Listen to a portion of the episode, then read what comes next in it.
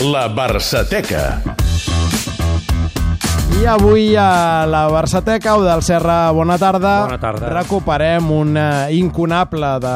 Vaja, el, el protagonista de la Barçateca, Josep Lluís Núñez. I diríem que el número 2 del rànquing Sí, d'aquesta en- Barçateca. I a més en conflicte, com gairebé sempre. Doncs sí, avui recordarem la penúltima enganxada que van tenir Josep Lluís Núñez i Johan Cruyff, i de fet podríem dir que és la gota que fa, va fer vessar el vas i que va acabar en dies més tard amb la destitució del tècnic holandès. 8 de maig, com avui, però del 1996. El pols entre Núñez i Cruyff cada cop és més tens i ara la polèmica està sobre quins fitxatges ha de fer el Barça la següent temporada, perquè llavors no s'esperava tampoc que Cruyff acabés doncs, sent destituït. Cruyff va posar diversos noms damunt la taula, com els de Giggs, jugadors joves, eh, en projecció, però que ja valien calés.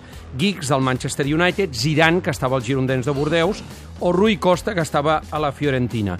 Núñez, escarmentat pels fitxatges de l'any passat, recordem, Prosinetski, Skach, Korneyev, etc etc, no vol gastar-se tants diners i deixa anar una de les seves frases o comparacions preferides. El año pasado gastamos 2.000 millones de pesetas y no han servido para nada. Por lo tanto, lo importante no es gastar dinero, sino es incorporar gente, gente que realmente sea rentable para para el equipo. Por ejemplo, tiene un caso el Atlético Madrid, que es un equipo que podría ser campeón este año.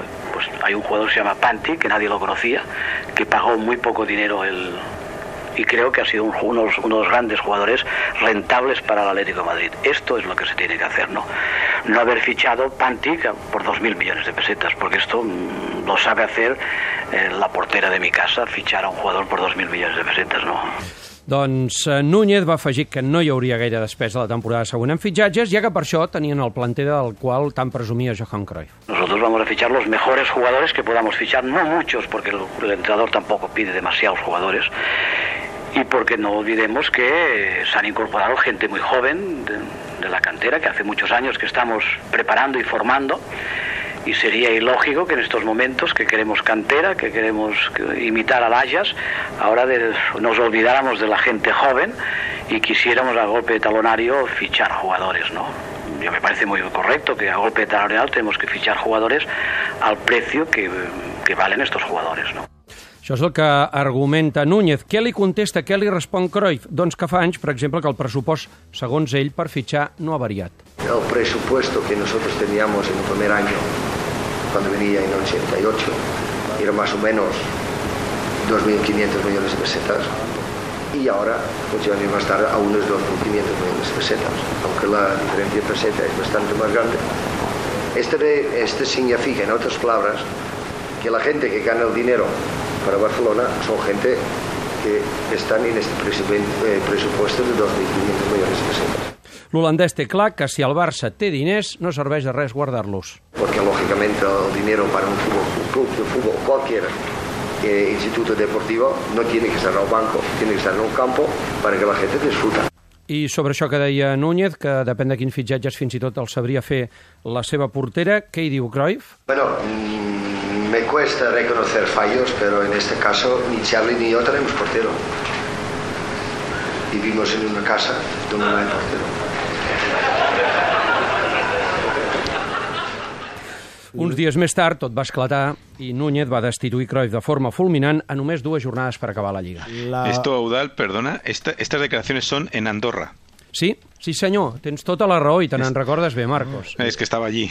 I després Núñez, el dia de la destitució, l'acusa d'estar de no ser un entrenador a temps complet, que té negocis a Andorra... Bé, No, no, y sobre todo Núñez está bien porque en la declaración que es fantástica que acabamos de escuchar de Audal dice, no nos vamos a gastar dinero, no, Ronaldo 2.500 millones, Víctor Bahía 1.000 millones, luego creo que llegó Couto también. Couto, Fernando Claro, Couto, claro, sí, sí. O sea, los fichajes que hizo el Barça en aquella época, que era Logan Brand, imagínate qué, eh, qué pedazo futbolista, llegó libre porque lo tenía pactado Cruyff. Luis Enrique, Enrique, lleg- Pizzi. Pizzi también llegaron libres, o sea, todos llegaron libres. Va estar a punt d'arribar a Zidane. Claro, no, de hecho tenía a, llegando no, a Zidane hay un momento en una rueda de prensa que, le, que, que- que sale en el, en el Camp Nou, en la antigua sala de prensa del Camp Nou. Dice, bueno, tenía un chico, eh, pero le he tenido que decir que fiché por otro equipo. Y todo el mundo pregunta, ¿qué chico? Sí, uno que juega en el, ¿cómo se llama? Girondins de Burdeos. Eh, Mm. que, que además aquel Girondins de Burdeos es el que llega a la final de la, de, de la Copa de la UEFA. Lizarazu Dugarry. Eh, Juga arriba, acaba venint, sí. Exactamente, pues aquel chico era Zinedine Zidane. Doncs el desencadenant de la última batalla entre Núñez i Cruyff, que per desgràcia va guanyar Núñez, amb frases mítiques com uh, la portera i el dinero en el campo i no en el banco. Eudal, gràcies. Fins ara.